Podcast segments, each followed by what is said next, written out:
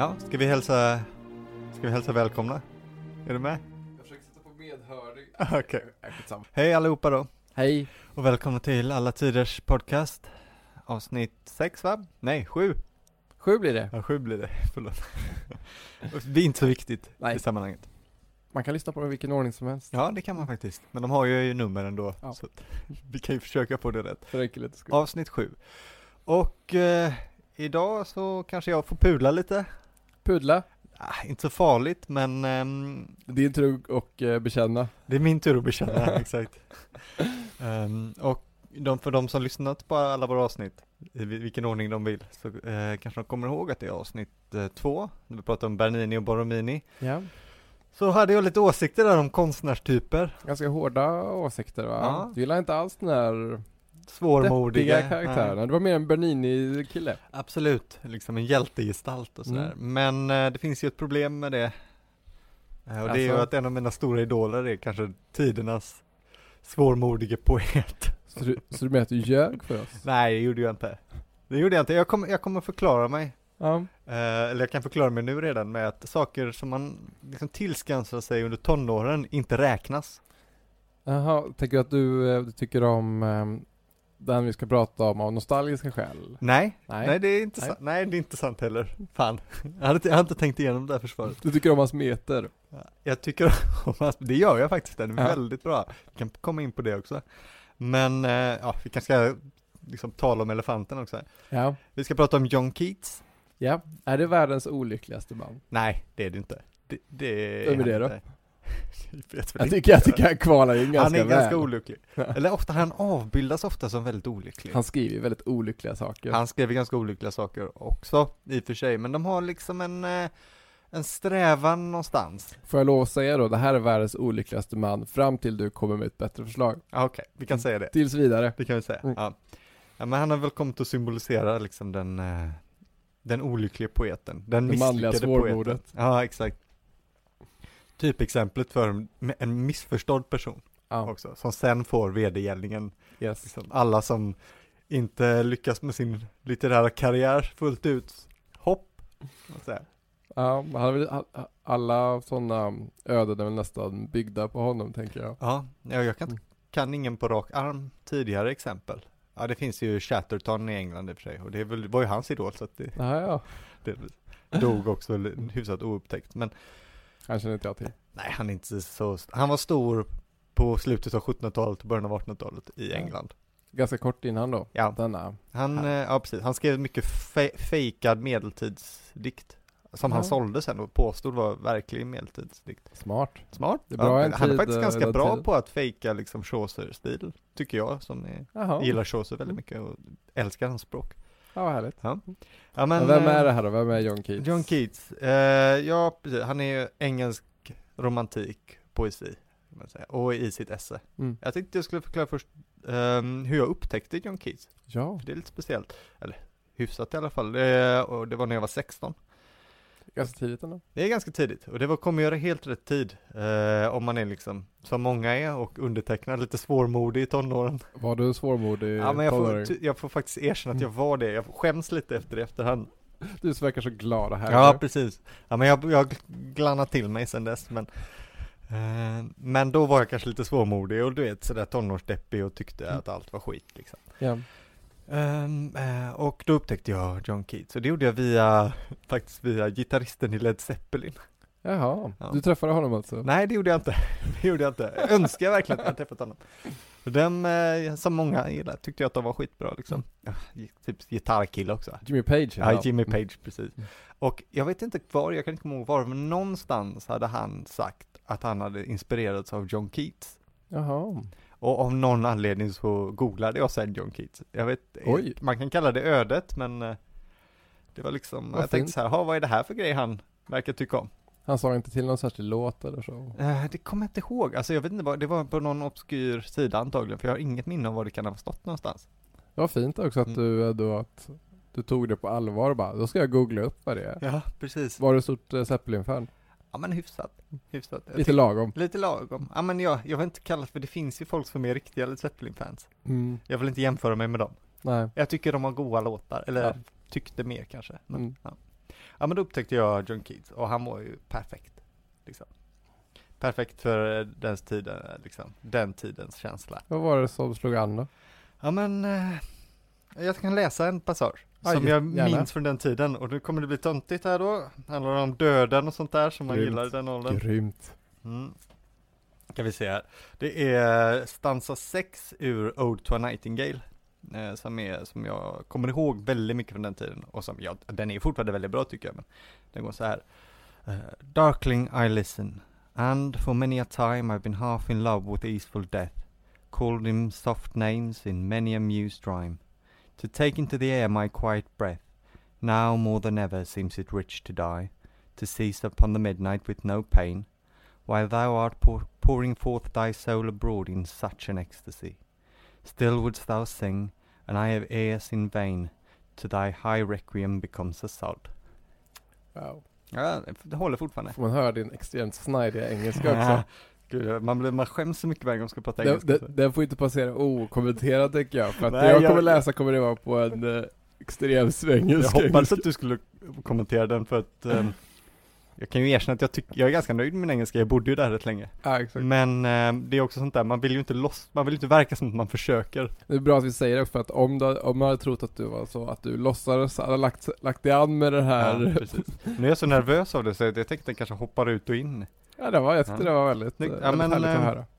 Det är ju här saker liksom, det är ju döden och det är Mm. liksom, nej, fan, ja, det, det slog an någonting. Du hör, alltså det är ju bra också. Ja, ja, det är ju Så jag otroligt behöver inte skämmas på det sättet, nej, det är ju toppklass liksom. Ja, gud ja. Men alltså, han är ju så himla rakt på deppig ganska ofta.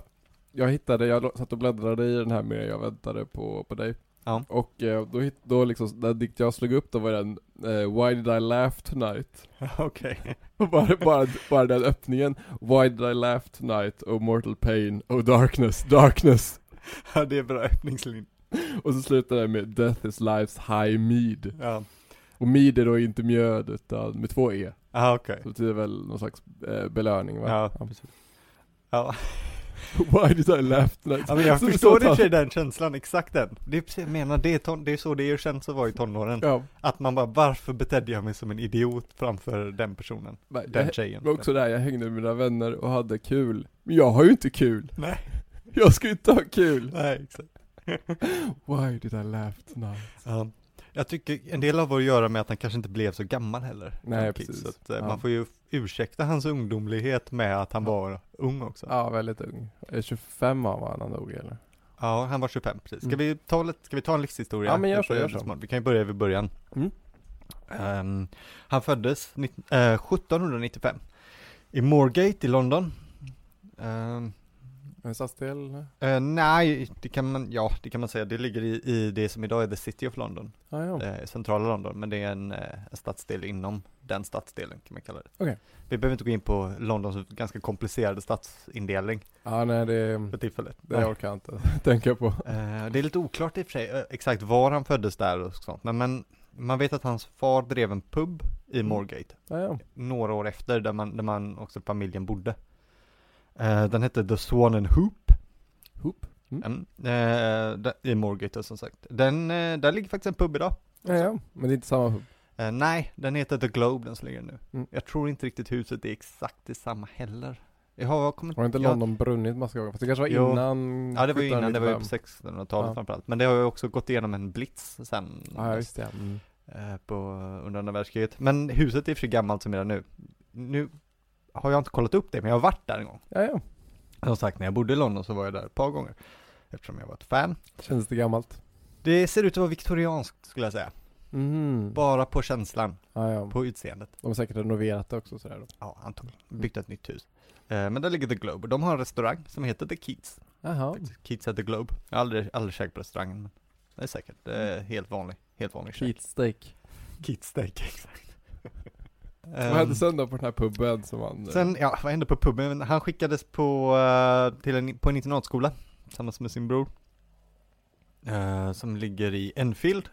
Uh, jo, John Clarks School heter den. Okej. Ehm, och den var väl känd för att vara ganska liberal. Liksom eh, lite fritänkare för sin tid. Det här var Okej. ju franska revolution, efter, liksom, svallvågorna av det under Napoleontiden och så, Ja. så att det fanns ju spänningar även i Storbritannien och den här ansågs vara lite mer liberal. Mm. Ehm, och det verkar som att hans familj hade sådana liksom, eh, svängningar. Eller vad man Mm. ska säga. Den, den låg där eh, också om man är i London, om man åker till Enfield. eh, så är det, den låg exakt där stationen ligger då. Eh, så Jaha. Overground stationen. Okej. Det Men inte samma hus? Det är inte samma hus, huset revs senare och byggde för stationen. Eh, Okej. Men det sitter en lapp på huset, eller en lapp, det sitter en skylt, Ja, ja. ett plakat till och med. Okej. Ja. Där det står att här gick eh, John Keats i skolan och sådär. Okej, Ja. coolt. Det är coolt faktiskt. Han hade tyvärr en ganska sorglig familjehistoria. Han, Mm. eh, när han var åtta så dog hans pappa. Ja, det är Han trillade av en häst. Usch. Och när han var 14 dog hans mamma. Usch. Eh, I tuberkulos. Och i Ja. tuberkulos dog ju också hans ena bror. Och Ja. sen han själv. Ja, Mycket senare. Så att det, usch. ja, det var väldigt tråkigt.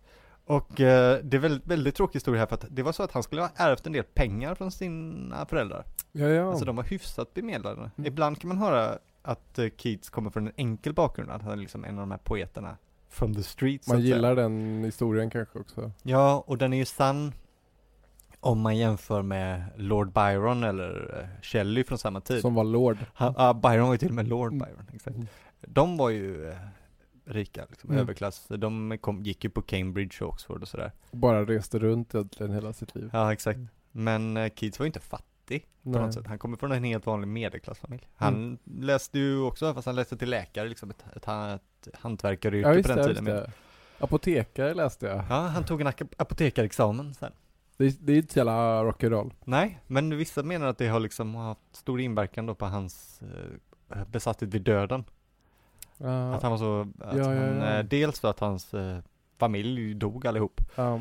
Och att han var så nära döden konstant under sin utbildning. Är det här en sån här dissekeringstid? eh? Ja, jo. Så här, vad heter det, Rembrandtska um, Exakt. dissekeringslektioner. Ja, det var goa, ja. Shit. goa sådana salar. Har du varit inne i en sån sal någon gång? Alltså jag har ju sett den på Rembrandt-tavlan men jag, Ja. har, jag nej jag har aldrig varit inne. Har du varit inne i en sån? Ja, jag var inne på en sån i Ferrara faktiskt, i stadsbiblioteket i Ferrara. Okej. Har Med såna här så? jättebranta sittplatser och Ja, så. precis. Det var väldigt coolt. Där de, de två eh, hemliga, gång, eh, hemliga dörrar på varsin sida. En där kroppen skulle komma in och en där kroppen skulle komma ut. Jaha. Ja. Det behövde vara olika gånger. Ja, precis. Eh, om, om någon bryr sig så finns den i stadsbiblioteket i Ferrara. Okej, Ja. coolt. Där även Ludovico Ariosto ligger begravd. Ja, ja.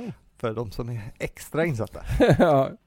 Eller så kan man göra så du gjorde med Jimmy Page och bara googla Man kan googla det. Det, det rekommenderar jag till och med. Might change your life. Exakt, faktiskt. ja men Ehm, shit, jag bara kan tänka att det måste vara ganska Också att döden måste vara väldigt närvarande överlag då om man också både såg döda kroppar och hans familj dör och sånt där. Det måste ju varit väldigt närvarande. Ja, På ett sätt precis. som är svårt att föreställa Han sig ska också kanske. varit väldigt rädd för döden, enligt hans vän eh, Charles Brown. Jaha. Så han, eh, han tänkte ofta på döden och liksom, han har ju skrivit mycket, alltså jättemycket om döden. Den Ja. du sa, den jag sa.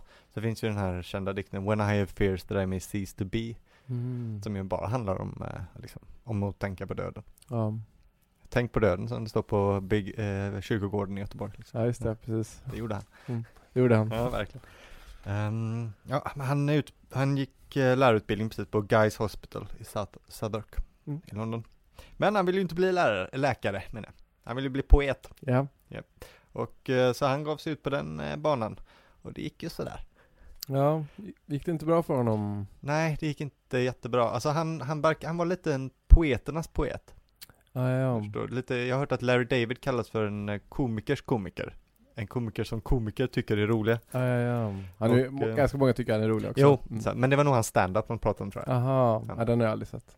Nej, inte jag heller. Mm. Eh, men uh, samma med Keats, han var ganska populär inom, liksom, han hade ju ett, ett vänskapsgäng, han umgicks ju i Lee Hunts cirkel, som var en Mm. eh, utgivare på den tiden, han drev en litterär Ja. tidning, Ja. tidskrift. Var det via honom som han lärde känna Shelley och dem va? Ja, precis.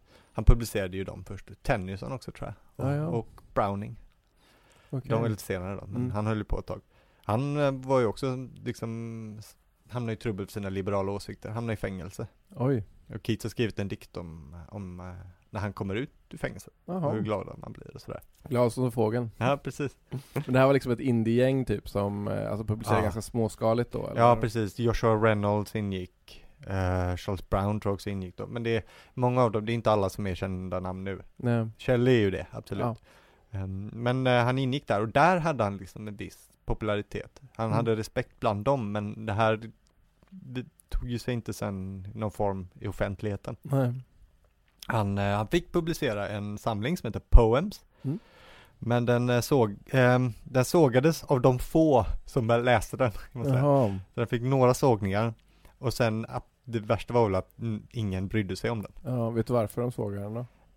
Nej, jag kan inte den historien faktiskt. Nej. Eller jag har inte kollat in på exakt på varför. Den, har, den ansågs väl kanske lite känslosam. Ja. Eh, och det var till och med så att hans eh, förläggare skämdes över den. Oj. De ångrade sig och ville inte trycka om den och de ville inte liksom promota den på något sätt. Gud vad deppigt. Ja, verkligen. Vi ser, um, han hittade en ny förläggare sen, som tur är som, eh, som tyckte om den och som, då fick han trycka en ny samling också. Ja, Okej. Och sen han liksom Endymion och sådana grejer. Mm. Så det, ja, det blöste sig lite men det var fortfarande ingen publikframgång Nej. alls. Ehm, ja, vad ska man säga där? Han, eh, ja, han hamnade ju i finansiella trubbel. Det var det jag skulle komma till som jag aldrig kom till bara. Han skulle ärva en del pengar, skulle Ja jag säga. visst ja, precis. För där hamnade vi här. Han hade ju finansiella trubbel. Han fick flytta ihop med sin kompis Charles Brown. Mm. Men han hade egentligen stora arv, som jag sa. Stora, men ganska stora arv. Men han fick aldrig reda på det. Va? Men det är lite oklart Vem, exakt. vem snodde pengarna? Ja, det är lite oklart exakt vem som visste det. Han hade en förmyndare då eftersom hans föräldrar dog när han var minderårig. Mm. Och det är oklart om hon, kommer inte ihåg, hon hette Abby någonting. eh, om hon visste eller inte. Men det fanns ju en person, eh, ytterst ansvarig, någon sorts jurist. Mm. Men det är oklart vem, men någon sa ju aldrig till honom vad att han hade fult. pengar. Och han levde ju liksom nästan barskrapad hela livet ut. Usch, Ja. ja. Men det fanns ju tur i oturen där, för han fick han flytta ihop med sin kompis Charles Brown. Men bredvid bodde ju en eh, flicka som heter Fanny Braun. Mm. Som ju blev hans livs stora kärlek. Ja. Som han har skrivit massor av sina eh, brev till framförallt, väldigt fina brev och några av sina kändaste kärleksdikter. Var de lyckliga tillsammans då? Ja, här kommer ju den tråkiga då att eh, de hade inte så mycket tid, de träffades 1819 tror jag. Det. Förlovade sig 1820 eh, och 1821 så hade Keats dött. Ja, ja. Så att de hann ju inte göra så mycket. Nej. Ja, vad tråkigt. Ja, det var tråkigt. Ganska snabbt efter de förlovade sig så visade det sig att han hade tuberkul fått tuberkulos. Mm. Det var ganska, vad heter det? Fick man det så hade man det så att säga. Ja, Mm. precis. Uh, framförallt då eftersom det vis- hade visat sig att hans eh, familj hade Mm. tendenser att dö i tuberkulos. Ja. Bara några år tidigare hade han suttit med när hans bror Tom dog i tuberkulos. Mm. Han visste ju själv vad som visste, han var ju läkare. Ja, just det. Mm. Men han kom hem någon kväll och hostade blod, alla trodde han var full. Jaha. Eh, men det var han inte, han var bara helt borta. Liksom. Så då ehm, fick han flytta till Rom, vilket Mm. kan Ja. tycka är trevligt i och för sig. Tillsammans med sin gode vän då? Ja, Severn, ja de kände ju inte varandra så mycket. Ja, gjorde de inte det? Eller ja, jo, de ingick ju trodde samma de var bästa buddisar och...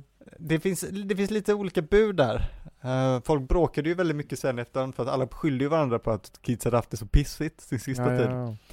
Eh, För de åkte väl tillsammans till Rom? Ja det gjorde de, absolut. Eh, ja, alltså de, de ingick ju i samma cirkel, men folk kanske tyckte att Charles Brown, som var hans kompis som bodde med honom, borde ha åkt. Ja, åkt istället? Ja. Jaha. Och att han kanske lämnades lite ensam med Severn som någon sorts barnvakt. Jaha, okej. Men där är också, det- jag vet inte, det kan vara lite filmen i och för sig, den där filmen Bright Store som backar med mitt minne här. Okej. Ja, ja men för där är det verkligen så, där gör de en stor grej av det också i slutet. Ja, Och den, den kanske, jag kanske fått den på huvudet också. ja okej. Hade du eh, läst att de var bästisar? Uh, nej, jag kan väl inte säga. Jag läste väl någonstans att eh, han fick väl råd av en läkare att flytta till Italien va? För Ja. att det var, ja men jag vet inte, hälsoskäl antagligen. Varmare klimat tror jag var Ja. försöket. Och då har jag för mig att det stod att han också skulle åka dit med, med Josef, att liksom Josef Severn och att det var jag tror jag kanske förutsatt att de var vänner som att Ja, han skulle okej. åka med honom. Ja, va- Varför skulle jag inte annars åka med någon annan än åka själv liksom? Nej, jag vet inte varför Severn, han kanske skulle dit av andra anledningar. Jag har aldrig kollat upp. Han, är inte, han är inte så känd egentligen heller. Men han är ju För ganska känd idag av... Ja, för det här. Ja, precis. Ja. så att det, han, Han har ju mutchat målat- på honom ganska mycket i så fall. Ja, precis. Han har ju målat det, det kändaste porträttet av Keats tror jag. Jaha, okej. Ehm, som jag känner till i alla fall. Det, det där kända porträttet liksom. Nej, jag vet inte om det är det, kända, det kända, men det är nog det som är mest likt. Ja, okej. Ja. Mm.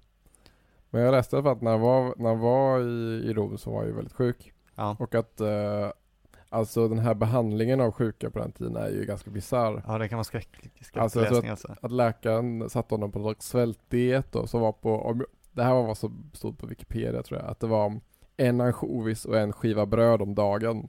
Ja, det var torftigt. Och för att leda bort då liksom, man trodde väl typ att man hade blod i magen där, så att man Ah, hostade okej. blod. Då skulle man leda bort den. Och då liksom, ehm, och då liksom gjorde man det med den här att man inte fick någon mat. Och så skulle man liksom åderlåta då såklart. Så, och det måste ha gjort honom bara ännu svagare. Så det, alltså, Ja, det som skulle bota honom måste ju varit det som bara gjorde, att- gjorde att han dog. Ja, för att det är ja, så, alltså, nu försvagar vi honom på gränsen till förintelse liksom. Han dog ju ganska snabbt efter han kom till Rom. Jag tror han kom dit i november va?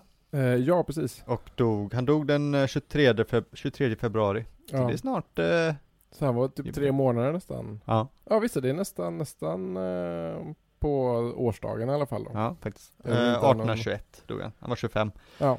Han skulle fylla 60 året, men det hann han inte. Ja. Sen läste jag också det att han, ehm, alltså men just den sista tiden när han liksom, han hostade i blod och han svettades så mådde ju rätt piss. Ja. Att han var ganska självmordsbenägen under den tiden. Och så att han, eh, han tjatade på läkaren som skulle ge honom laudanum. Mm. Och liksom, eh, han kallar den här, den här tiden nu för hans liksom postumma existens. Ja, jag förstår. Och det sägs då att hans Severin ska sätta honom gråta också liksom. Var för att varje gång, för att när han vaknade så insåg han att han fortfarande levde liksom. Ja, ja, jag har läst det. Det är ju fruktansvärt alltså. Ja det är rätt, eh, Ja. rätt deppigt alltså. Laudanum. Ja. Ja. Goda grejer. Go- Gott ja. Mumsigt. Ja. Men jag tänker också om man var apot- apotekare hade han mycket tillgång till sådana substanser och sånt då. Ja, kanske. Är, är det här en knarkarpoet? Nej, det, nej, det är det inte. Jag tänker på de andra Ja, romantikerna. sådär är ju känd för sitt... Eh, Jag tänker, att, man tänker både Ja, romantikerna Shelley före och efter väl? Ja, alltså, Wordsworth och Coleridge är ju en- generationen innan. ja. Jag vet inte om Wordsworth var så knarkig. Var det inte det? Han var ju, han var ju polare med Coleridge, men jag, min bild av honom är att han är så stiff på något sätt. Ja. Eller att han är så proper. Men var han inte så himla, var han inte revolutionär som ung? Jo, det Det var var, han och inte liksom, Jo. det var inte lite torr på... Han på hade, han hade prövat lite opium, tänker Ja. jag, men jag tänker att Coleridge, han var ju den riktiga opiumkillen Ja. killen ju. Men jag tänker om man, om man jobbade som, um, alltså laudanum är ju inte, ehm, är ju inte, var väl inte liksom drogklassat. Nej, nej, det här klart, hade man tillgång till det så kunde man ju ta det. Om han var det var ju apotekare långt måste han innan. ha väl haft eh, liksom ett helt, en helt skafferi Ja, av han, grejer. han jobbade ju inte som apotekare Nej, någon det, gång nej, så vitt jag vet. Men han kanske kunde begära ut, jag vet inte. om man behövde. Ja, det här var ju långt innan narkotikalagstiftning blev en grej. Ja, just det. Och laudanum, det är en sorts opium va? Ja, Fast det, det jag inte, kan inte exakt hur det funkar. men jag, jag, nej, jag vet inte heller faktiskt. Men om man tänker på opium tänker man på pipor och sånt där. Man tänker ju på typ såhär Baudelaire, Baudelaire som Eller ligger i något drick- rum med massa så här eh, orientaliska mattor. Ja, exakt. Men laudanum, är inte det liksom en, det är väl en vätska? va? Jo, precis, man häller det i vatten bara och så. Ett extrakt eller Ja, så. precis. Mm. Det är väl det, eh, tror jag att Coleridge tog också. Ja, Stor okej. utsträckning. Mm. Eh, när man tänker annars här opiumhåla stämning kanske lite orientalisk eh, Ja, vibe. Ja, nej men det var inget som uh, Keats var på i alla fall. Nej men han var inte så, han var inte så drickig heller tror jag. Nähä. För man, Ehm. tänker, man tänker deppiga poeter i alla andra tider. Ja. Så tänker man mer på att de ska liksom vara lite destruktiva också. ja, precis. Men jag tror att det är därför han passade mig så mycket, att han också är lite töntig. Att jag liksom, det finns ju de här, det finns ju deppig på det här lite coola sättet. Ja, dekadent deppig. Ja precis, sådär liksom lite klassisk rockstjärnedeppig Mm. sådär. Som, men som ändå liksom är cool. Jag har aldrig lyckats vara deppig på ett coolt sätt. Det är en av mina Nej, stora ja. sorger här i livet. Bara, här är jag och tar en promenad. Ja exakt. Keats är mycket mer liksom står och spanar på himlen och tänker på liksom existensens eh, Sitter under ett träd va? exakt. Gillar han. Det har alltid passat mig i alla fall lite bättre, jag vet inte. ja, jag förstår. Mm. Ehm, ja men, ehm, just det, på hans eh, gravsten då, han var ju hård på det, att ville, han ville inte ha sitt namn på gravstenen. Nej, visst det. Ah, Det är väl alltså varför. den ultimata självförintelsen då? något. Ja precis, han tänkte väl att eh, jag ska inte finnas kvar och det kommer ändå, ingen kommer ju ändå minnas mig. Nej, precis. Glad in i slutet. Men eh, så det står ju ganska känt på Here lies one whose name was written water. Ja, precis. Alltså, ett, hans namn skrivs i vatten, alltså inte alls då. Det, Ja. det som skrivs i vatten försvinner bara. Och så står det ju fortfarande på om man är på Han begravdes på den eh, prot- protestantiska kyrkogården i Rom. Ja, precis. Jättefin eh, kyrkogård. Den ligger ju väldigt avsides också, hans Ja. grav. Bredvid då den här, eh, vad heter det nu, Severns Ja, grav. Han råkade bara lägga sig själv precis bredvid. Precis, ännu en gång så lyckas han liksom klämma in sig själv i historien. ja, visst. Alla som går och tittar på Kids märker också av att här ligger han. Ja, står det inte på den och så här, och Keats bästa vän? Jo. Står, och där står det väl Där står det. Står det inte att han så här, här, här ligger eh, konstnären och vännen till Keats? jo det står något Severn, ja. Det står, något, det står någonting om Kids i alla fall. Minst lika mycket som det står om honom själv. Ja, det är ändå smart sätt Jo, att, så här, att väldigt eh, skarva in sig själv i. Här sitter ju vi och pratar om honom, så att ja, verkligen. han lyckades ju. Jag läste också det att eh, den här raden sägs ju komma från en Catullus-dikt. Ja, jag har också, också hört det, men jag, har, jag kan inte minnas. Eh, ska vi se nu om det var nummer LXX eller något sånt där. Men jag tror, jag tror att eh, det ska vara en rad i den som, som är då Vad en kvinna säger till en passionerad älskare ska vara skrivet i vinden och i rinnande vatten. Jaha, okej. Mm. Men det betyder väl att det är hemligt då va? Eller? Ja, det måste det vara. Vad en passionerad älskare skriver. Det är också alltså- meningslöst lite. Det är liksom, finns Ja, inte på pränt, det, det, Ja, det försvinner lika Mm. snabbt som det kommer. Och för, för ingen annan. ja, exakt. Mm. Mm. Ja, precis. Det är väldigt fint. ehm, Men eh, ja, som sagt han var ju inte särskilt eh, uppskattad när han dog. Han var ju inte läst nästan alls. nej. Förutom av en liten, eh, liten grupp. Men eh, det har ju ändrat på sig. Jag skulle, jag skulle säga att han, jag tror att han är den engelska romantikens, och bland engelskans populäraste poeter. Ja, ja han, han måste väl ha mycket mer läst än ja, men Shelley och... Ja. Ja men Shelley, både, alltså Byron och Shelley är ju jättestora namn, men det är Ja. måste vara många Det är för färre dess som läser. biografier och, Ja, ja. Det är väl Mary Shelley som är den eh, mest Det är det lästa. Hon måste ju vara Ja, ännu ja, mer hon läst toppar ju alla. Ja. Men hon var ju inte poet heller kanske, Nej, utan det är sant. författare då. Det är sant. Ehm, ja, precis. Det fanns ju, det fanns ju många poeter som har varit stora, och en annan kvinna var ju Fel- eh, Felicia Hemens. Okej. Men hon har ju också, det är ju ingen som, nästan ingen som läser henne nu. Nej. Ehm, men, eh, men det är väl för grund av, dels formen, han skriver ju ganska ofta ganska korta dikter ju. Mm. Mycket sonetter och orden. Eh, inte som Byron som skriver sådana här Child Harold och Don Juan som är ganska tunga i handen. Ja, ja visst. Mycket, Mm. ganska långa passager där det inte är så jävla spännande heller. borde ha skrivit oss som en roman istället. Ja, det kunde han faktiskt ha gjort. Mm. Kanske han kanske vunnit lite på det. Det är ganska roliga rim i och för sig, men Ja. eh, man kan ju rimma i en roman också. ja, det kan man faktiskt. Om man gör det lite då och då. Ja, var bara går gränsen om jag skriver en roman som rimmar har det blivit en dikt. Och... ja, det, är, det är för de, eh, för akademikerna. Ja, det får de listor. Precis.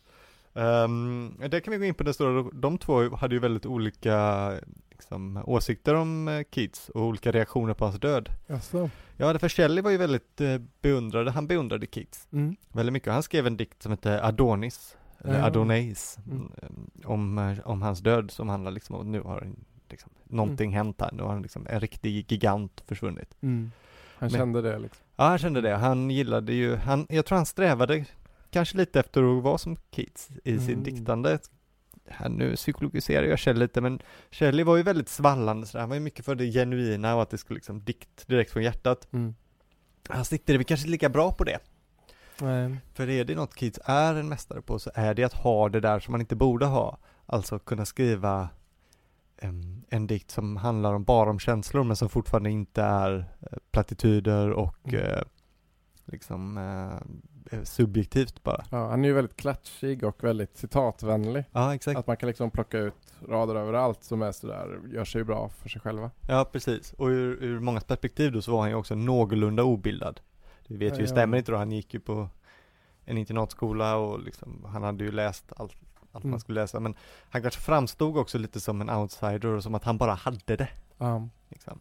Mm. Och att han var lite svårmodig och sådär. Mm. Eh, To sorrow I bade good morrow. Exakt.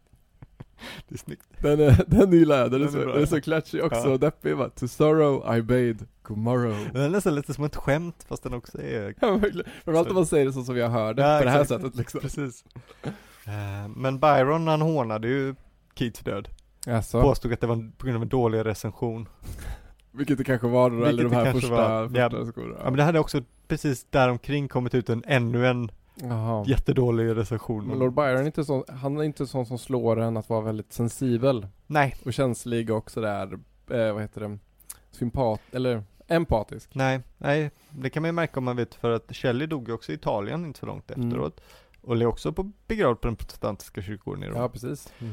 Eh, Men eh, då skulle de ju begrava honom. Byron var ju i Italien och alla deras vänner. Eh, Och det var ju problem då. Det som hade hänt var att Shelley hade åkt ut i en robåt för sig själv. Han skulle läsa eh, Platon Mhm. i en robåt i en storm. Någonstans, jag kommer inte ihåg var, men någonstans i Italien. Det fan. var en jättedålig idé för han drunknade. Vad fan. Och efter ganska många år med så blåste hans, land, hans kropp i land. Och då kände de faktiskt bara igen honom på grund av att han hade Keats dikter i fickan. Jaha, och det kan ingen annan ha haft än Nej, precis. Och det är väl osannolikt att någon italiensk fiskare skulle ha haft det. Han kanske betalade, köpte Ja. fisk för dem. Du Ja, får de här fina dikterna. Om jag får den där Ja, mörten. Nej, det var bara han som hade det. Ja. Ja men då hittade de kropp och den var ju då helt vattenfylld. Men av, Ja, ja. av någon anledning då så skulle de ju göra en hjältemodig begravning. De skulle bränna den där och då på stranden. Vilket såklart inte alls gick bra. För det är ganska svårt att bränna en kropp. Så vi fyller med Och vatten. framförallt när den är fylld med vatten. Så det tog ju timmar. Och Lord Byron han tröttnade ju på, på det här. Så han skulle gå och ta sig en simtur Mm. så länge.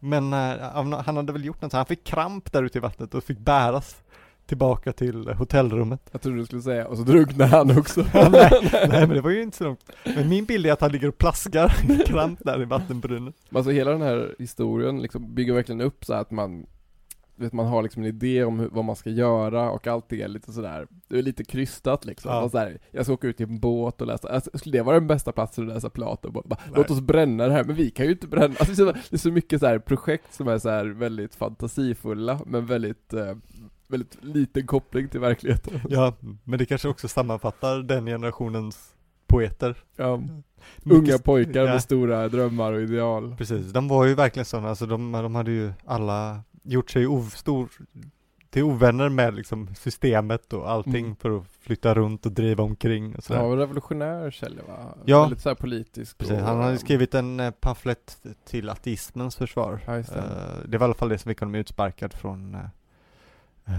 Oxford. Ja, ja. Här finns också en massa konstiga historier. Jag har hört någon, kan vi gå in på sånt som vi gillar att prata om i den här podden. Jag har hört att när han och Mary Shelley skulle ligga med varandra första gången, ja. så skulle man gjort det på hennes mammas gravsten. Jo men det där har jag också hört. Ja. Det är ju lite rått. Ja, det är lite speciellt. Ja. Men romantiken har ju den där liksom vurmen för liksom det ockulta och liksom gotiken är väl en väldigt romantisk eh, liksom Ja, uppfinning om man säger. En uppfinning kanske men det var väldigt stort då liksom. Och Ja. Om man tänker på Frankenstein också Ja, och precis. sådär. Ja, de säger ju det i alla fall, så det får man väl. Ja men det där har jag också hört. ehm, Mm. Få ställen är väl lika oupphettande som just en sån plats kanske. Nej, precis, men har man sådana läggningar kanske. Ja. Ja. För hennes mamma, var inte det Mary Wollstonecraft? Jo. Också väldigt berömd. Ja, också väldigt berömd. Eh, Man kan ju tänka sig att man har lite liksom mom issues där kanske. Ja.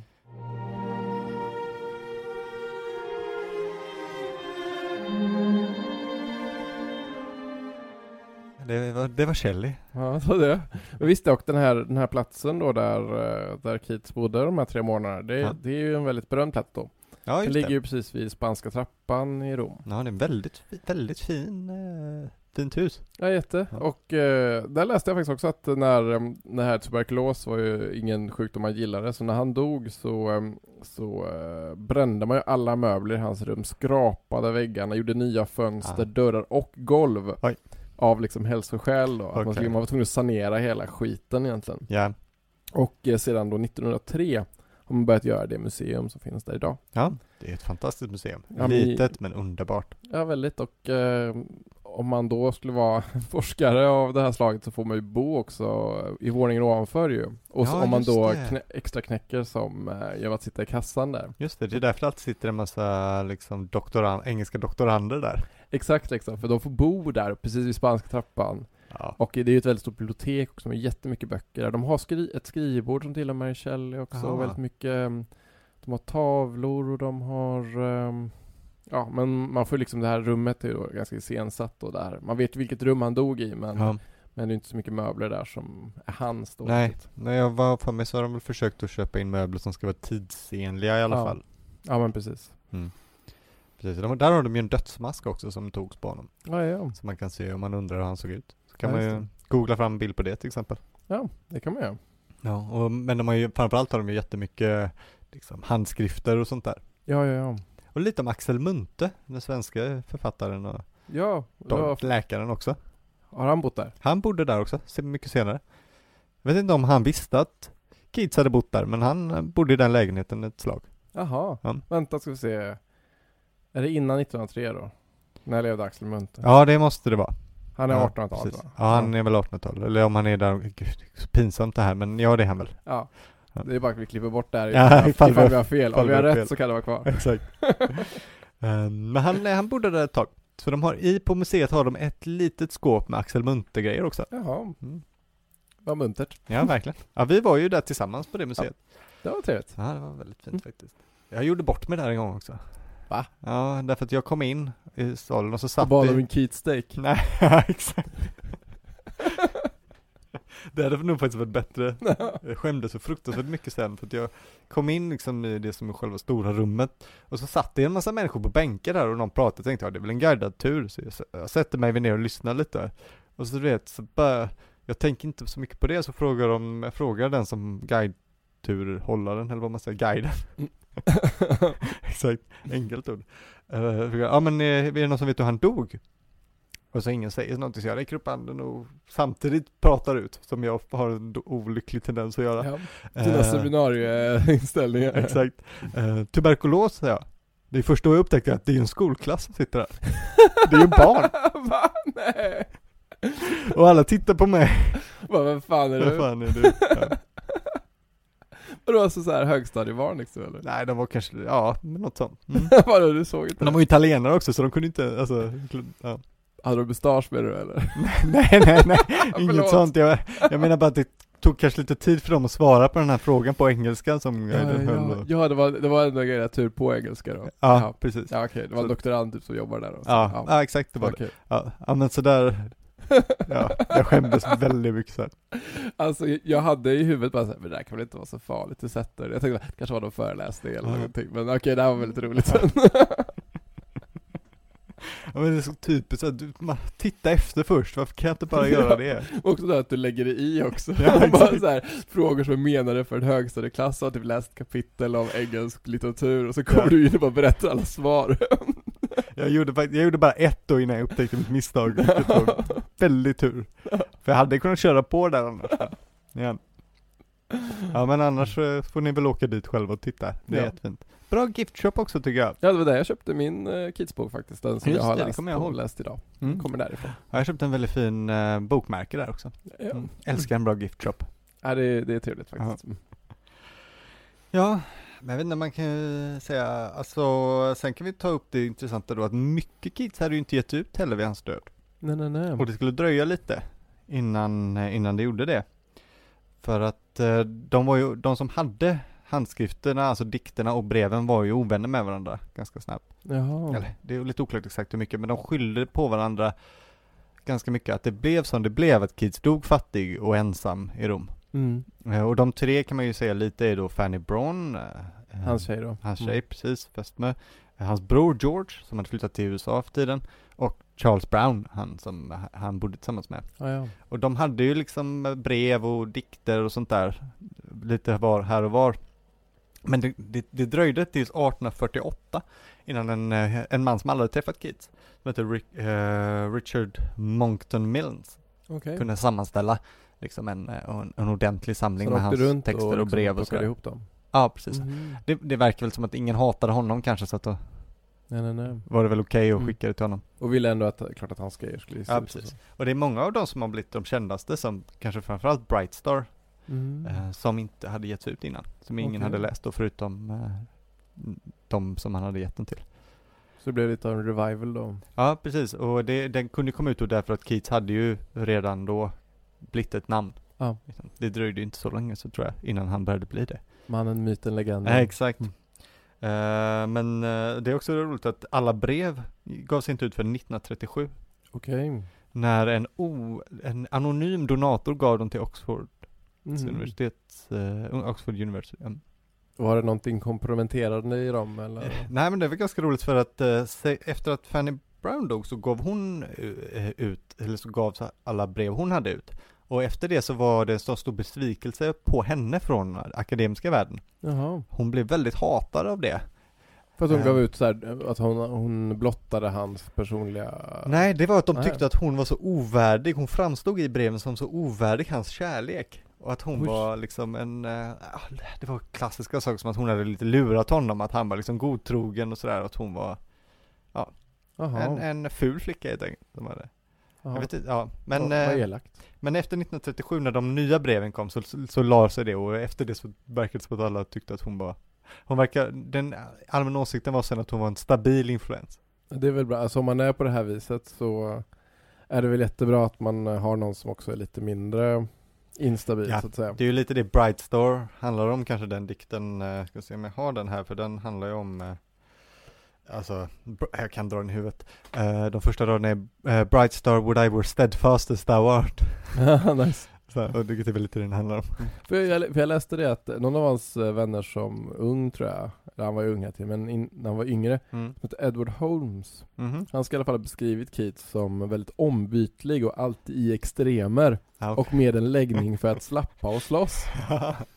Men det var liksom innan han då som 13-åring kom, liksom började läsa ordentligt. ja, Innan han kom in på det. Men ändå en läggning för extremer tycker jag ändå är ganska härligt i efterhand när man tänker på ändå hans eh, ja, verkligen. besatthet vid döden och liksom det, den- det enda beständiga är konsten och Ja. de här ämnena som han tar upp. Och det är är ganska extrema någonstans också. Ja. Det är roligt att han slogs också, det är inte en bild man brukar ha av honom annars. Nej, eller hur? Han kan ju framstå ofta som lite, liksom, eh, mesig. Man tänker att det ska vara en vek, Ja, liksom, eh, vek och sjuklig, eh, blek, eh, ung pojke tänker man Ja, att det ska vara. Jag vet inte om det stämmer heller så mycket. Jag tyck, för i mitt huvud har nog också den filmen, alltså det kom en film, när kan den ha kommit? 2009 kanske? Som Mm. heter Bright Star. Den Okej. var baserad på John Keats sista tid. eh, av Jane Campion. Ja, ja, okej, jaha. Den är ganska bra men Hon är jätte, jättestor Ja precis, ja, men det var, det var Mm. en, en bra film. Mm. Men det jag kan tycka att Ben Whishaw där som spelar eh, Keats, han kanske, han spelar ju honom också väldigt mycket på just den här personen. Ja, ja, Alltså ja. den bilden av honom. Pratar liksom lite viskande hela tiden och sådär. Jag vet inte om det stämde Nej. egentligen, jag tror inte det jag gjorde tror vi har svårt att förstå tror jag hur ehm, hur mycket våldsammare män, män var förr i Ja, tiden än vad de är idag. Att jag liksom, när, vi tänk, när vi tänker liksom en ung poet idag så tänker man ju om någon så här, ja men svag mes som var dålig på att gympa. Ja, Men liksom, men till och med de, de svaga klearna på den tiden hade ju ändå varit med i en del barfights liksom Jo, och precis. med kniv och kanske varit i någon duell och sånt där. Ja. Alltså till och med Marcel Proust som är ju sådär Ja, ja. ökänd astmatiker och sådär, var ju liksom utmanad på duell i, liksom i slutet på 1800-talet Ja. och sådär. Och eh, ja, det var ju ett mycket våldsammare samhälle. Ja, liksom till och med den största mesen då kunde i alla fall fäktas och liksom var Alltså nära. alla människor hade ju växt upp med ett ganska gott, gott kokstryk ju, så att ja, visst. de kanske var vana vid det. Mm. Ehm, men ja, vet Så han, han, hade, han hade gett oss spön då. ja, Liksom även om vi hade träffat honom och tänkt att han är så svag. så exakt. Han hade ändå spöat Han hade oss. spöat oss. Ja. Så där, ja. Det är Vem viktigt, kallar du vek din jävel? sånt är viktigt att ha koll på. Ja. Ja. Ja, Sorrow eh, you can bade, god morrow. Precis. ja men, eh, ja det var väl hans historia. Mm. Men jag, jag, alltså, jag läser ju inte Keats lika mycket alls nu för tiden, men det är fortfarande, jag tycker fortfarande att det är några av de bästa. Och Mm. det tror jag, tror jag inte bara är nostalgi.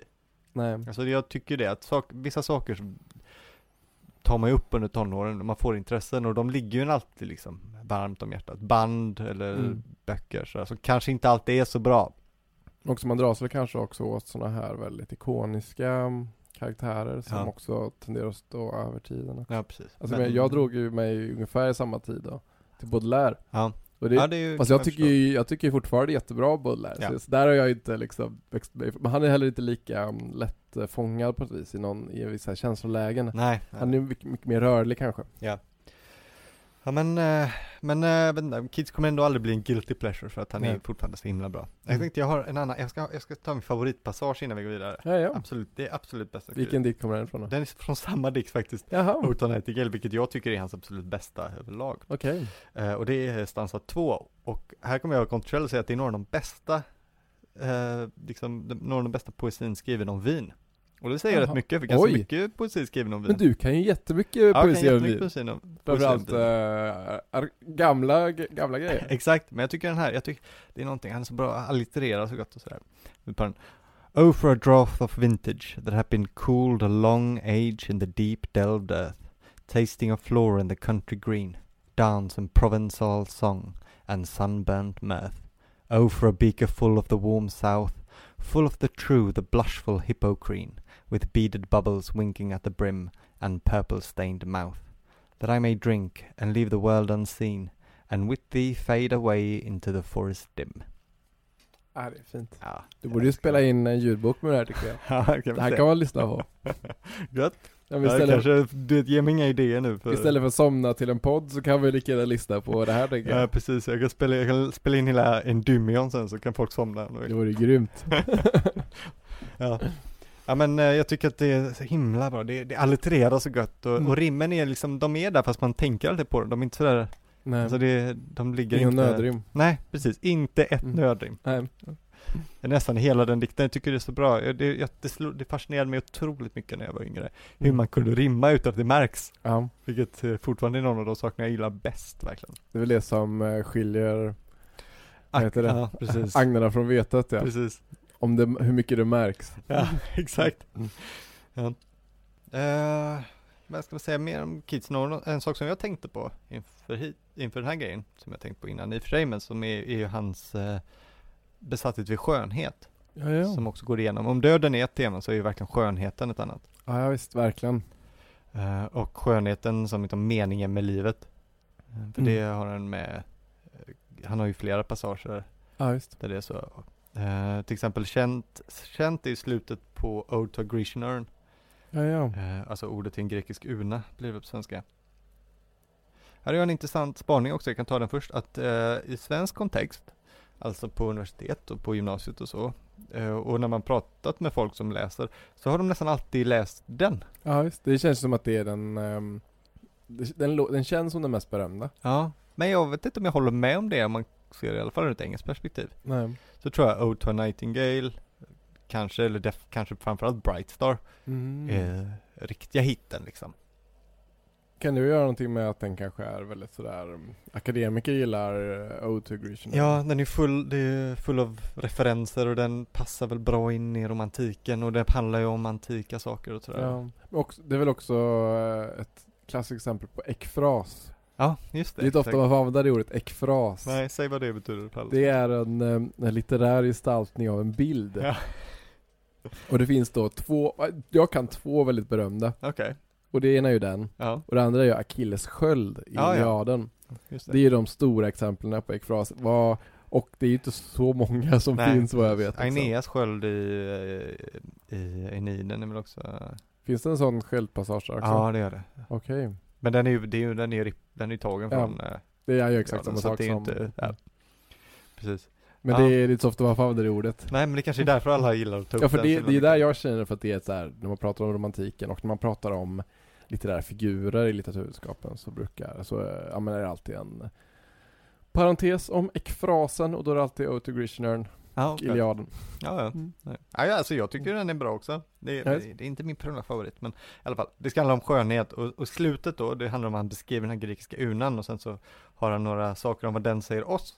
Mm. Och det sä- säger han så här. When old age shall this generation waste, thou shalt remain in midst of other woe than ours, a friend to man to whom thou sayest, beauty is truth, truth beauty. That is all we know on earth and all we need to know. Mm. Vilket ju, alltså det är starka grejer alltså. Ja det är, det är också väldigt höga anspråk i det. Det är väldigt höga anspråk. Att beauty is truth. Ja, precis. Eh, han, har, han har andra passager som är liknande. Uh, inledningen till Endymion. Ja, ja. Alltså Endymion är kanske hans, jag tror det är hans längsta. Det är, vad är det, fyra gånger tusen rader. Oj, Uppdelat på fyra böcker.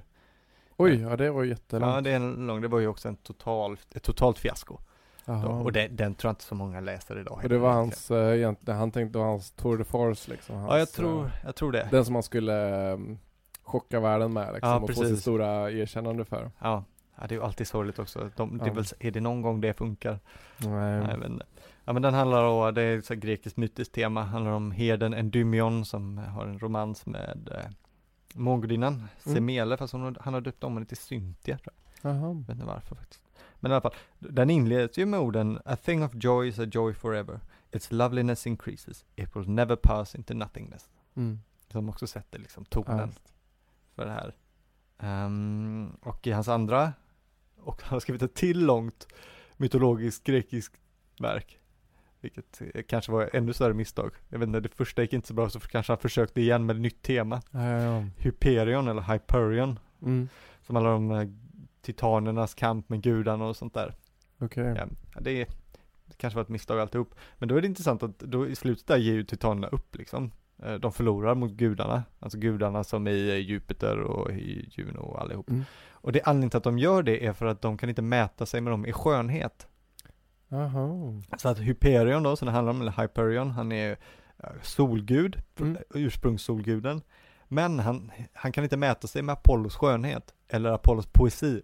Aha. Han är liksom ingen poet och han är, alltså, jag, vet inte, om han, om, jag vet inte om han menar fysisk skönhet, men Mm. det går liksom inte, så då måste nog erkänna han att nej men då, får, då är det bättre att han är solgud. Jag kan inte göra, jag kan liksom inte mäta mig med honom. Okej. Mm. Mm.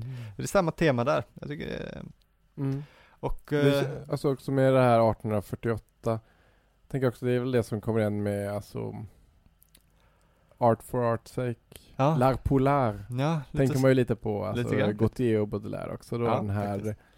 det som sen blir det stora, alltså modernitetens liksom eh, konstsyn också med eh, konstens, eh, eh, vad heter det, autonomi och sådär. Ja. Och, eh, Jo visst.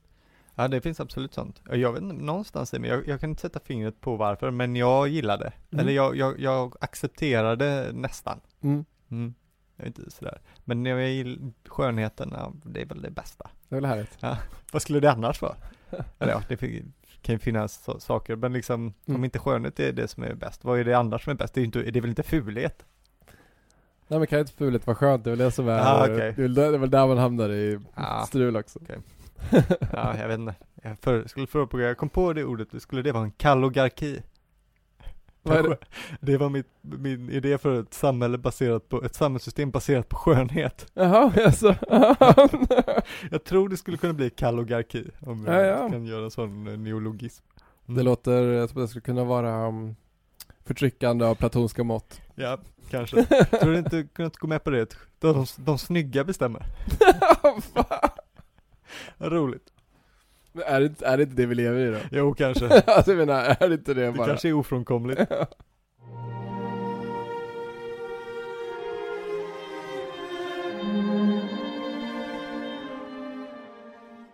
Ja, ehm, men det här okej. John Keats är ju en romantisk poet då liksom. Han, han tillhör då den andra generationen romantiska poeter. Efter Wordsworth och Coleridge. Som han, vad jag tyckte, vad jag läste i alla fall, han tyckte de var lite ofis- osofistikerade och obskyra. Ja, okej. Och ehm, liksom, han vände sig även mot liksom, författare så som Alexander Pope till exempel. Som Ja. var den, eh, liksom, en av verkligen de stora poeterna innan. Just det.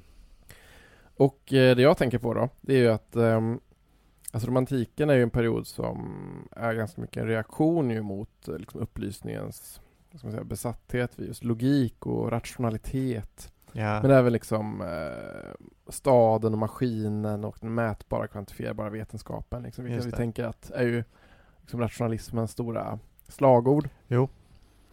Liksom, och istället då var han intresserad av känsla och individualism och naturen och eh, det förflutna. Ja.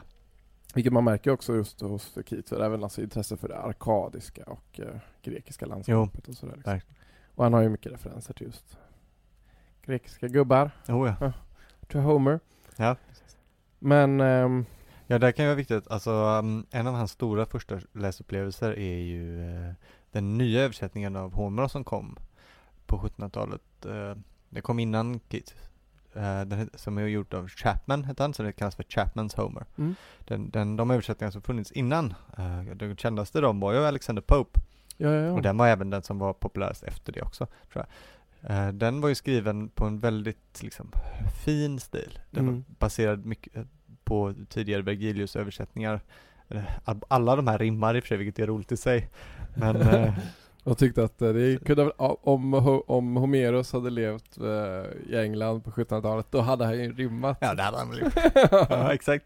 kan man lika de skriva faktiskt ganska snygga. Popes rim är ganska snygga, men det här då tyckte ju kanske Chapman och då senare även Keats att The Pope förfinar Homeros för mycket. Alltså han har gjort en Mm. Vergilius av Homeros, han har tagit bort, och det var ju många på 1600-talet och sådär som tyckte Homeros var lite dålig ibland. Ja. Alltså alla han rader var går lite inte... ruffigare typ Ja, än vad. Vergilius är så otroligt ehm, perfekt. Ja, alla rader går inte ihop exakt som de Nej. ska och, och sådär, alla bilder är inte kompletta. Det har väl att göra också med att det inte finns en enhetlig författare kanske. Nej. Kan Och hela den homeriska frågan, hur den kom till och Ja. eh, om det så här, hur mycket Precis. han har skrivit och hela den där Precis. faderullan liksom.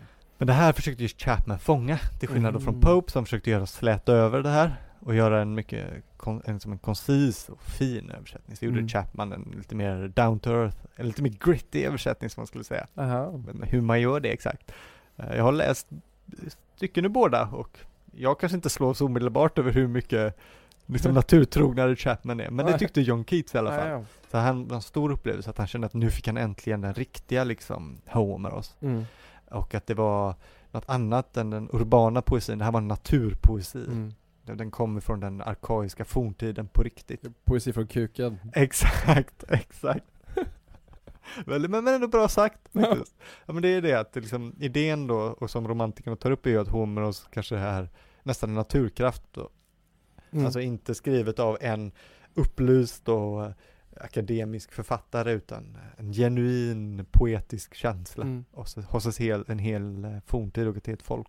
Ja men det, för liksom, det är typ exakt det som jag tänkte min lilla spaning typ Ja, har okej. att göra med. Just så här hur, em, hur romantiken är så inriktad på eh, bort från liksom spektakel och fantasi och liksom dekorum Mm. och riktat på liksom autenticitet och sanning. Ja, okej. Beauty's truth, truth Just is beauty. Det handlar liksom om, det är, det är de frågorna som är de absolut viktiga.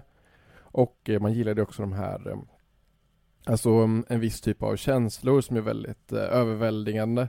Liksom som eh, alltså, det sublima, liksom blixtar och dunder och stormar Ja. och, så väldigt, och skräck liksom och som är väldigt så här, känslor som man inte kan värja sig för och som inte är, alltså som är väldigt primala Just det. och naturliga och djuriska och sådana saker. Det gjorde Wordsworth, klättrade upp på berg och sådär och spenderade natten på, på topparna där uppe i Lake Ja, District. det. För, för att få känna Mm. naturkraften liksom. Det är faktiskt väldigt spännande just med, det är verkligen lite, verkligen en parentes, men just det här med bergsklättring. Ja, okej. Att så här, ehm, alltså Petrarca har ju varit uppe på ett berg, det vet man. Ja, Men, men den första bergsklättraren, som, Ja. var, som klättrade i berg för att se på utsikten, Ja. det sägs vara Rousseau. jaha.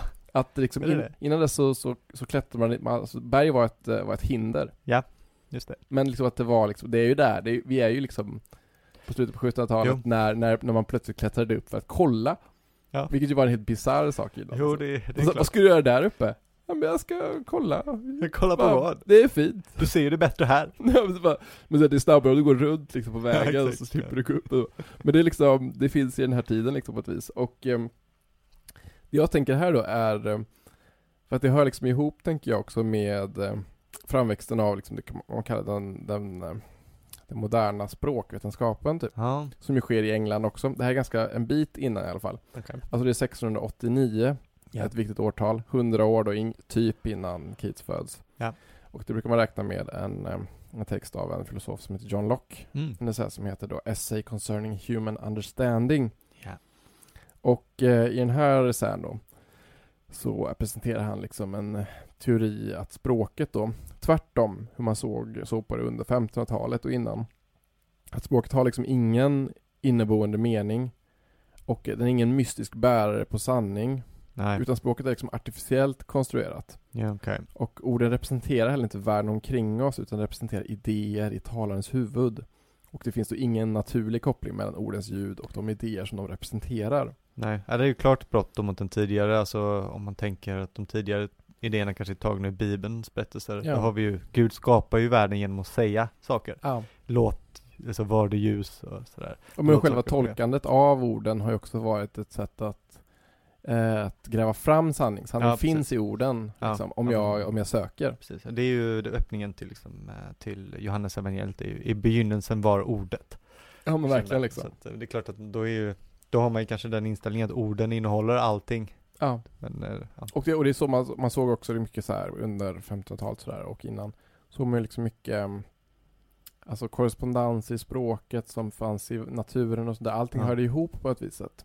Men eh, det tycker inte John Locke liksom. Och det blir en väldigt, det här är en väldigt inflytelserik teori. Och väldigt liksom normativ. Ja. och hör ihop liksom också med den moderna vetenskapens framväxt vid den här tiden. För det som, det som John Locke faktiskt, typ ursprung, alltså inte ursprung, men uttalat vill göra, det är att han vill liksom rensa bort all skit som står i vägen för de mekaniska vetenskaperna. Ja. Och det han vill rensa bort är alltså tvetydigheter, språkmystik och den slapphet han menar finns i hur vi låter vissa ord representera olika idéer. Okej. För att alla de här grejerna som är liksom alldeles för trixiga konstruktioner, det leder till nonsens och missförstånd. Ja, jag tror det är mina favoritgrejer. Ja, och han gillar inte något av det. För det ska vara tydligt. Ah, ja. Tydligt ska det vara. Ja. Ettor och nollor. ja, jag förstår, jag förstår. Men eh, och det är lite roligt då, för ja, det finns en bok som heter eh, Seven Types of Ambiguity, Okej. som jag har läst. Mm. Och, ehm, och där skriver han också då att det är liksom att man märker den här, de här, han refererar till Locke då, han säger att man märker det här i de romantiska poeterna. Jaha. För att de börjar undvika tvetydigheter både i ordval och i syntax. Jaha. Okej. Vilket ju skiljer dem väldigt mycket från alltså föregångare som, som såklart Shakespeare men också Alexander Pope då som eh, Keats ju inte gillade så mycket. Nej. För liksom i, i den liksom äldre engelska poesin så var ju tvetydigheterna och ordvitsarna, alltså lek, lekarna med ord och ljud och sådana här saker, det, är liksom, det var en del av den poetiska upplevelsen. Ja. Alltså, Shakespeare ordvitsar ju hur mycket som helst. ja, men också, men också, så här, också det som man kanske inte tänker på är så här syntaxgrejerna. Att man, man vet inte riktigt vad syftar den här bisatsen till till huvudpersonen eller Just till verbet eller till liksom den andra. Så liksom att det fanns en tvetydighet i vart saker syftade också. Ja. Vilket såklart en matematiskt lagd person tycker är eh, en konstruktionsbrist. Just det. Men som, ju, som var liksom en del av den poetiska upplevelsen.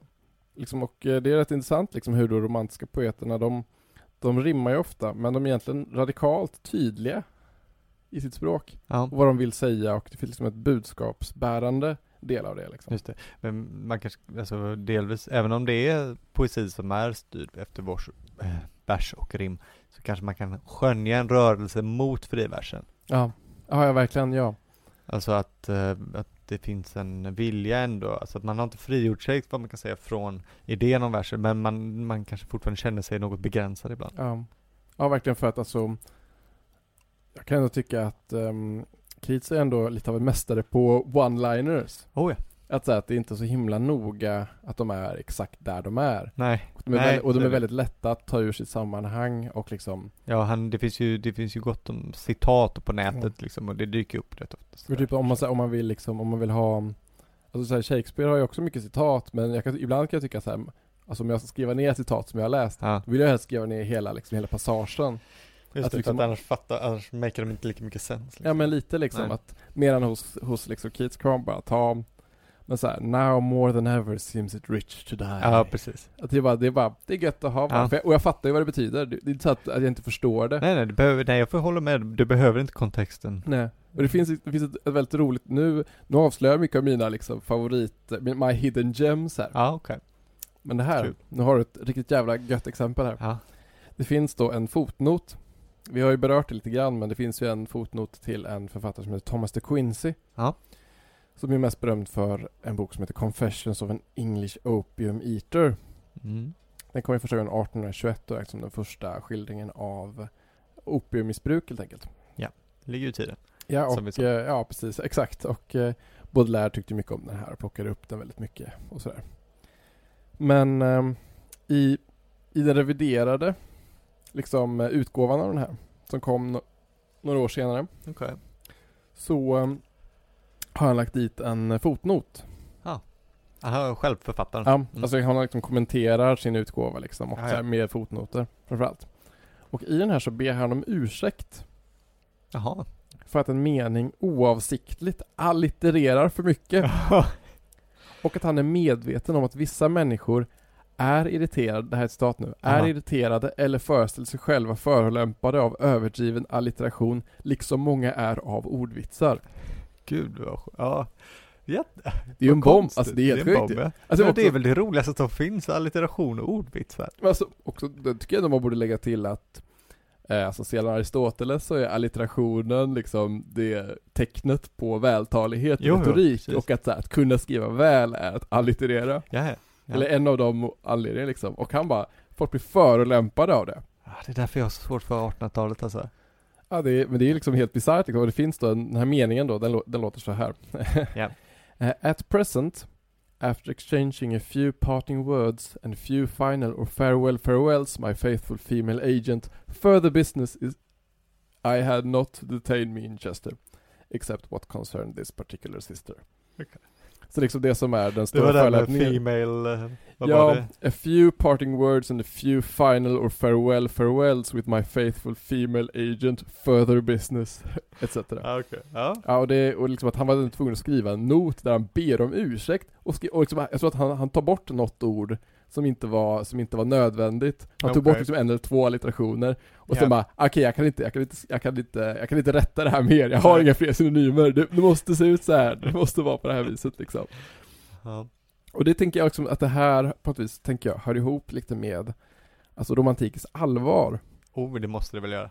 För att liksom, om man ska vara liksom Huvudet på spiken säger jag. Ja, om man ska, jag tycker inte att allting behöver vara humoristiskt, självklart inte. Det är ju en bisarr sak att säga. Ja.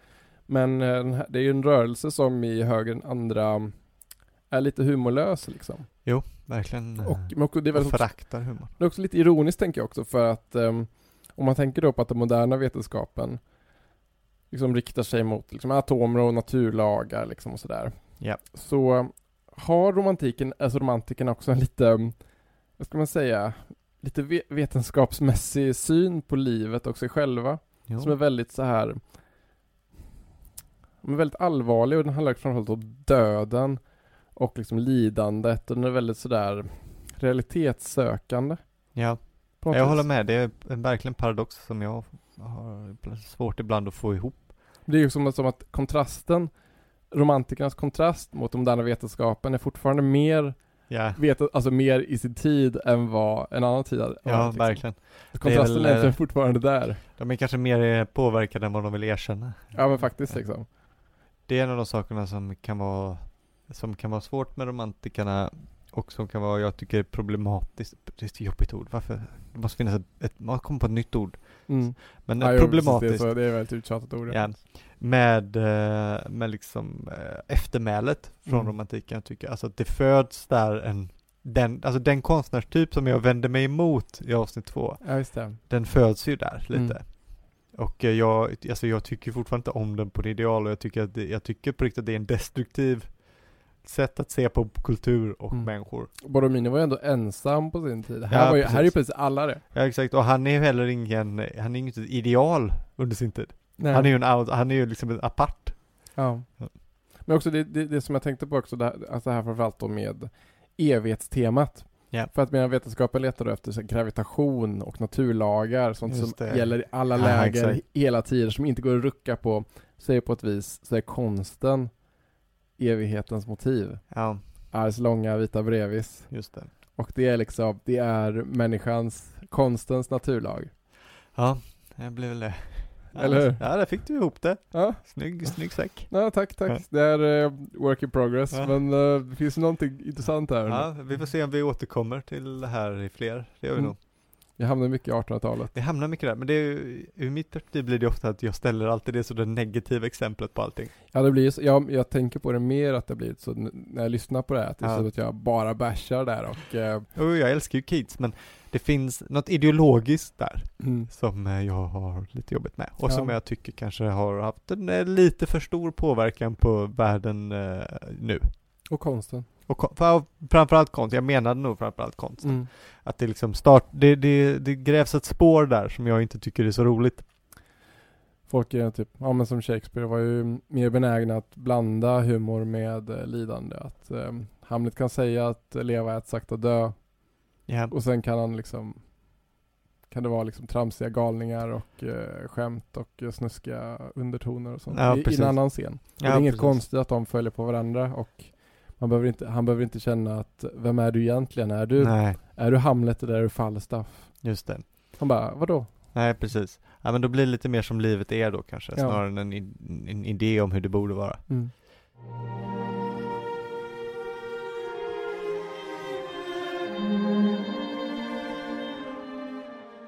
Jag hade en, em, en konstig liten inflikning också.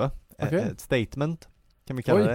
det. Eh, Så vi, vi får se om vi har kvar det sen. Mm. Men jag tänkte på det med när, att kids gick på internatskola, Ja, ja. vilket han gjorde. Och det är ju en eh, institution, framförallt i England är det ju känt mycket internatskolor. Och jag tror jag har kommit fram till att det är det bästa för samhället.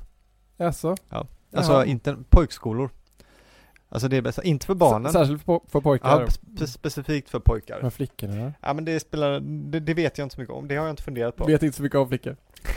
Det lät fel men eh, kanske.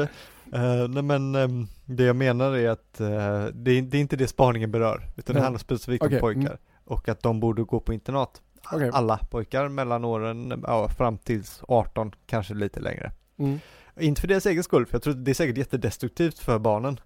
Eh, det, man hör ju att det händer en massa skit. Ja, det var det jag tänkte säga, att så här, ja men då kommer ju alla dikter vara så här. Ja. Tänker, då blir det dik- dikter om att man vill dö och att, Ja, det är eh, möjligt. att Det är livet möjligt. är skit och... Men jag tror det skulle vara värt det för att de kan ju inte vara bland, bland människor.